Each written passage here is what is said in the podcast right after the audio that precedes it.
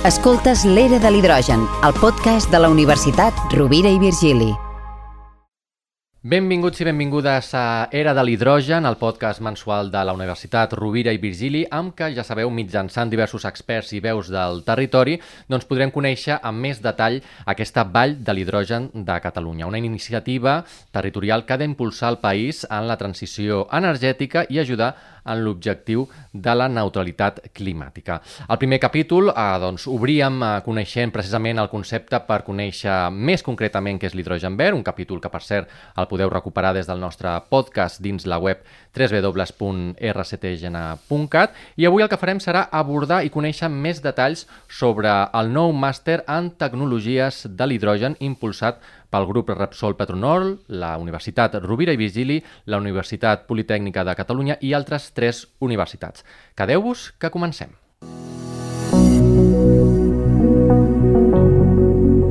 Doncs el grup Repsol Patronol, la URB i també la Politècnica de Catalunya, doncs, juntament amb tres universitats més, impulsen, com dèiem, aquest eh, màster en tecnologies de l'hidrogen.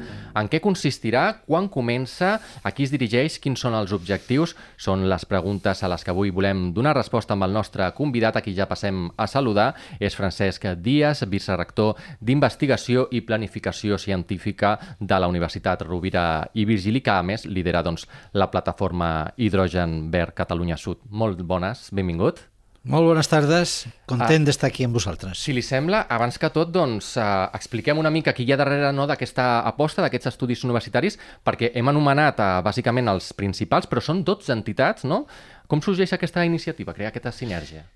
Bé, aquesta iniciativa, en el moment que ha sortit l'oportunitat i la necessitat europea d'impulsar l'hidrogen verd com a vector energètic, ha d'acompanyar les renovables per ser la substitució de l'energia carbonitzada que ens ha generat aquests problemes que, en els que estem ara, des del punt de vista energètic, bueno, doncs, des del primer moment, indústries, universitats, han dit hem de formar. És una nova tecnologia, la molècula fa molts anys que la coneixem, però les tecnologies de l'hidrogen per substituir l'energia carbonitzada no les tenim a punt. Hem de formar de fer recerca i més de més però sobretot, com que ha de ser també una tecnologia que generi llocs de treball i productivitat des del primer, des del primer dia, fent les inversions, necessitem especialistes, gent formada. I això ha d'anar en paral·lel, des del primer dia, amb els projectes industrials. Aquest màster i aquest acord que han tingut en cinc universitats, per què cinc universitats? bueno, són cinc universitats esteses en el que pretendem que sigui la vall extensa de l'hidrogen. Parlem de vall de l'hidrogen català, els bascos parlen del corredor de l'hidrogen basc i entremig tenim, bueno, d'un punt a l'altre tenim a l'Ebre. Volem parlar d'una vall extensa de l'hidrogen en tota la zona de l'Ebre i possiblement fer la, la L mediterrània també, anant cap a València i cap a Cartagena, que també necessiten canviar de color a l'hidrogen que estan utilitzant en aquest moment.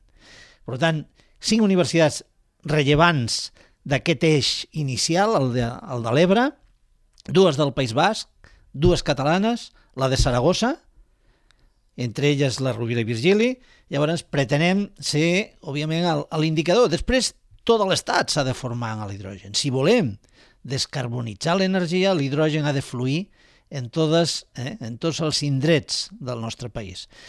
Eh? El país en el concepte extens, és a dir, Espanya i Europa.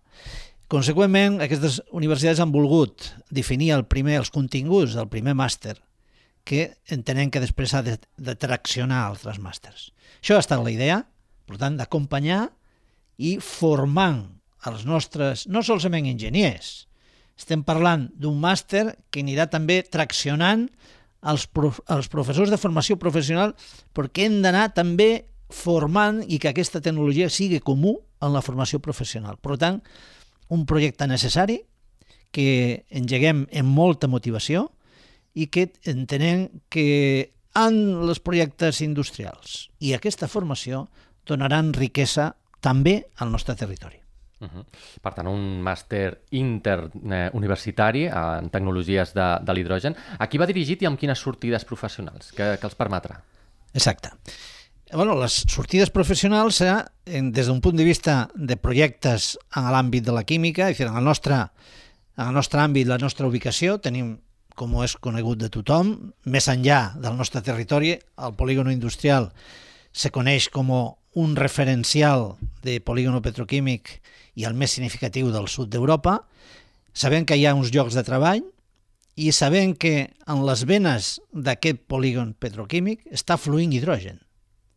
Que passa que l'hidrogen que ara estem produint i consumint és un hidrogen que porta acompanyat la, el despreniment d'una molècula de CO2 que se'n va a l'atmosfera. Això és el que volem substituir. Necessitem, per complir amb els acords de neutralitat climàtica, això s'ha de substituir. I transformar-lo en hidrogen verd. És a dir, hidrogen que aconseguim, en el primer podcast ja se sap de bon surt el verd, aconseguit a través de electrolisi, és a dir, introduir electricitat a l'aigua, dividir-la en hidrogen i oxigen, i aquest hidrogen serà verd. Sempre que l'electricitat vingui de renovables. Si no, continuarà sent, si utilitzem una energia elèctrica, exacte. Però amb això ja estem compromesos volent solament verd, compromís climàtic. I llavors, ahir entenem que salvant eh, la, la transició energètica d'aquest polígon, podem també acompanyar el territori en la seva dimensió extensa perquè l'energia l'hem descarbonitzat tota. La mobilitat també és un altre generador de què? De conflicte en la nostra atmosfera, en el CO2 que se'ns converteix després en una atmosfera que ens fa efecte hivernacle pronunciat.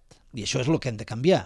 Per tant, els cotxes també han de transicionar. La nostra mobilitat ha d'anar almenys la pesant. Ara està encara en discussió si el cotxe elèctric amb bateries, eh, el cotxe elèctric automòbil eh, utilitari, diguem, si realment ha de fer la transició també una primera etapa cap a l'hidrogen. Jo crec que en uns primers anys serà cotxe elèctric i bateria, però també visualitzo que més enllà del 30 tindrem cotxe elèctric, és a dir, motor elèctric, però substituirem la bateria per un depòsit d'hidrogen. I aquesta entenem que serà una dimensió que al, al sud de Catalunya, sobretot, però Catalunya en el seu conjunt, necessitem i crec que ens mereixem ser, en aquest cas, una avançada de la transició energètica en els dos eh, pilars de la nostra economia, el, diguem, el petroquímic i després també la mobilitat que genera el turisme i tota la nostra activitat econòmica. Molt bé. Anar tot en un, en, en conjunt, és molt ah, important. Això mateix. Uh, en quant al màster, en quan es preveu que s'estreni i de quina manera? Com estarà estructurat? Bé, com dèiem abans, és un màster que es fem en col·laboració. Per què en col·laboració? Bueno, pues que una, una iniciativa complexa però també que volem posar-la en el mercat de l'oferta formativa el abans possible, doncs el, mi, el millor approach, la manera d'apropar-se en això, era fer-lo en col·laboració. Els, els grans projectes en col·laboració sempre són, a part de ser inclusius, doncs són més exitosos. I en economies, la basca i la catalana, en aquesta necessitat imperiosa de formar professionals en aquestes noves tecnologies, ens hem ràpidament posat d'acord de engeguem-lo i engeguem-lo de forma coordinada. Dirigit principalment a tots els professionals que al voltant de la seva activitat econòmica, les seves empreses, està utilitzant-se l'hidrogen i s'han de canviar de tecnologies.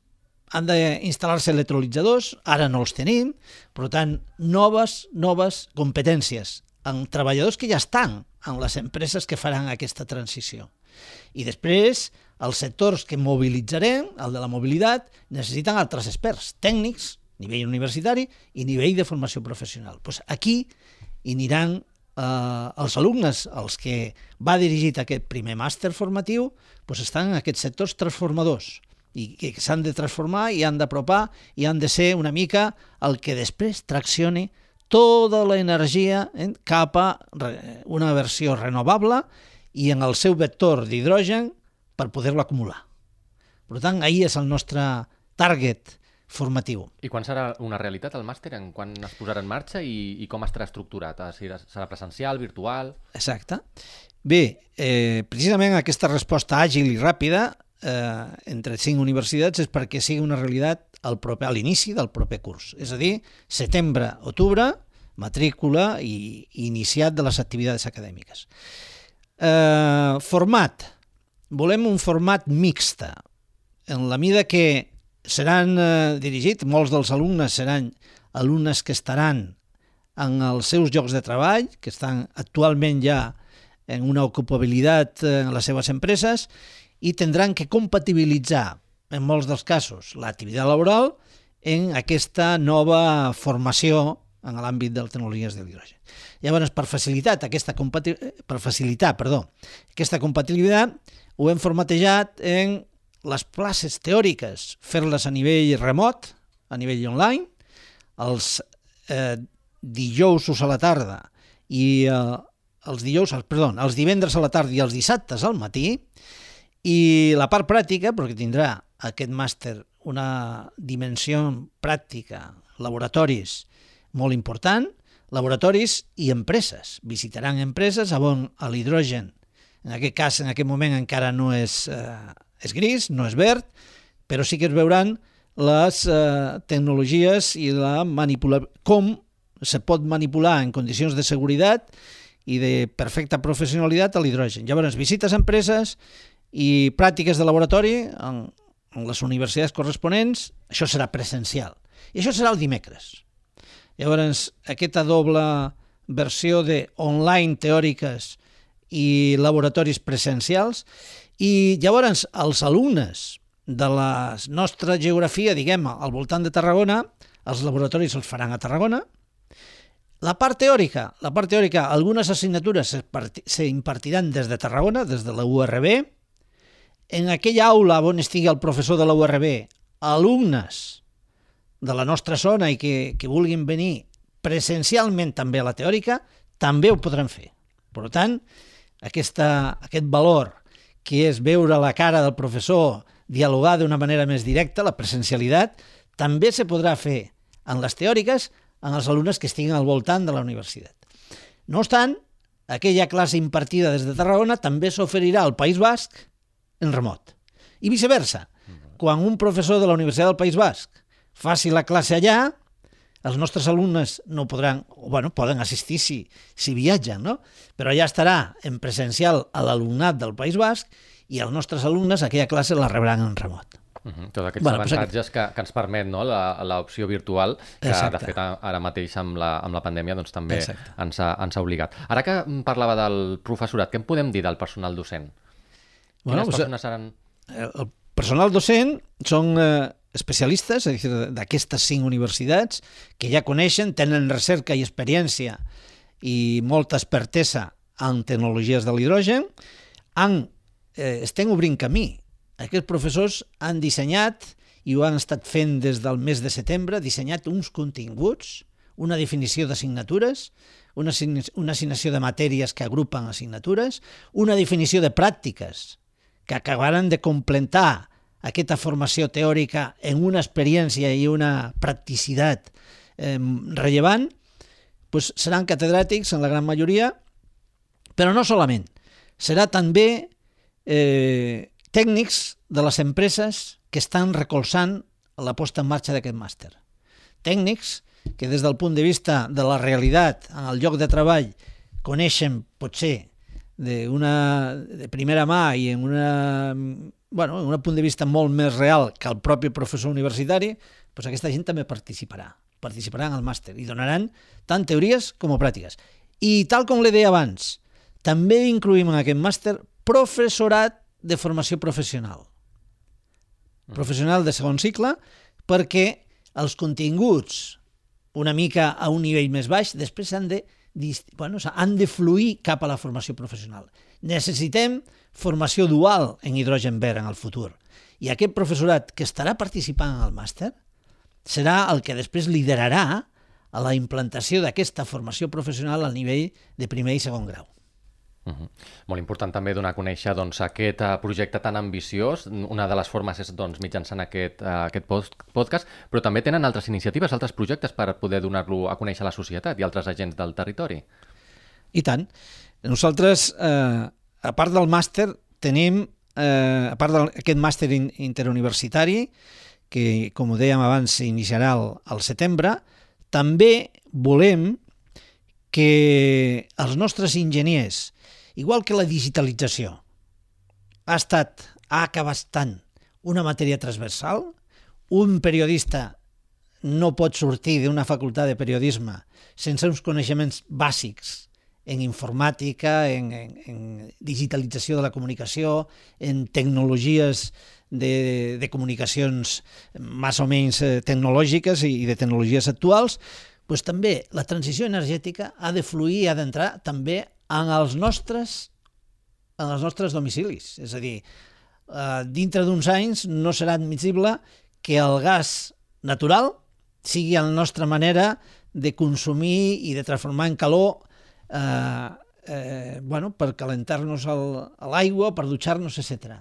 Això acabarà sent hidrogen, perquè no podrem a l'any 30 i tants, ningú ens ho deixarà, cremar gas natural. Carbonitza l'atmosfera i això el planeta no ho pot resistir.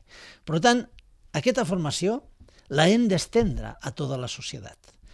En, el seu, en la seva dimensió socialitzant, d'apropar-la a l'hidrogen, estimar l'hidrogen i convertir-lo en el nostre company del dia a dia perquè no fa malbé la nostra atmosfera i ens farà més sostenible la vida en el nostre planeta. I això com se fa? Bueno, doncs ara, una, inclús abans del màster, una primera iniciativa és divulgació, però donant coneixement, no solament eslògans, sinó formant els nostres alcaldes, els nostres regidors, els nostres tècnics de medi ambient dels diferents municipis. Aquells que han d'endegar, han d'engegar projectes transformadors, mediambientals, energètics als nostres municipis que coneguin aquest vector energètic que ha vingut per quedar-se. Però volem que aquesta vinguda de l'hidrogen sigui volguda i que aquest vol, voler l'hidrogen que sigui a través del coneixement. Per això començarem ja, començant per lo, lo que diuen els nostres responsables municipals, una formació estesa al, territori. I no volem, òbviament, quedar-nos en els nostres alcaldes. Volem que les associacions, les escoles, tot el nostre teixit eh, ciutadà acabi coneguent aquesta combinació renovables hidrogen que ha vingut per substituir bueno, la gestió que ara feien de l'energia que, òbviament, no ha suportat la nostra atmosfera i ha convertit eh, un problema eh, l'energia perquè ens hem obsessionat en cremar combustibles d'origen fòssil. Molt bé. Doncs uh, no perdem l'ocasió abans d'acabar. A tots aquells interessats en aquest màster, com es poden posar ja en contacte? No sé si ja està oberta les places, les inscripcions, en quin moment ho poden fer i de quina manera. Bueno, doncs està, està oberta la pàgina web.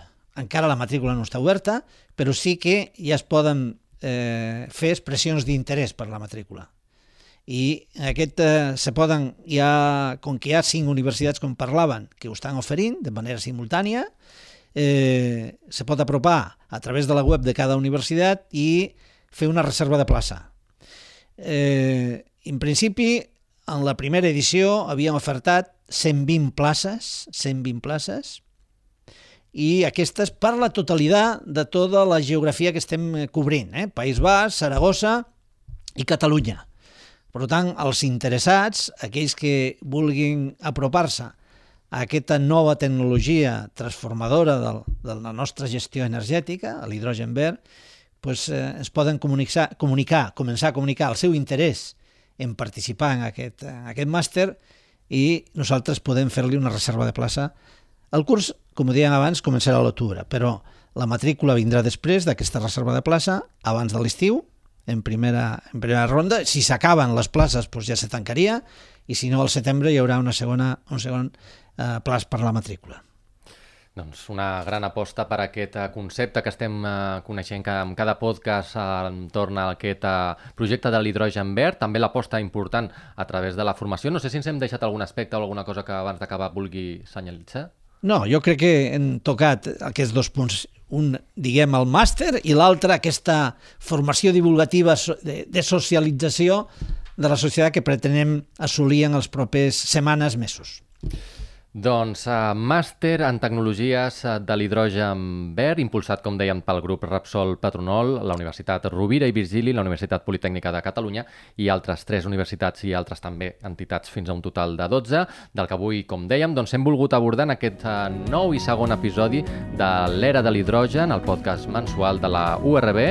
Agraïm la visita i l'atenció al senyor Francesc Díaz, vicerector d'Investigació i Planificació Científica de la Universitat Rovira i Virgili, i dèiem també liderant aquesta plataforma de l'hidrogen verd Catalunya Sud. Moltes gràcies.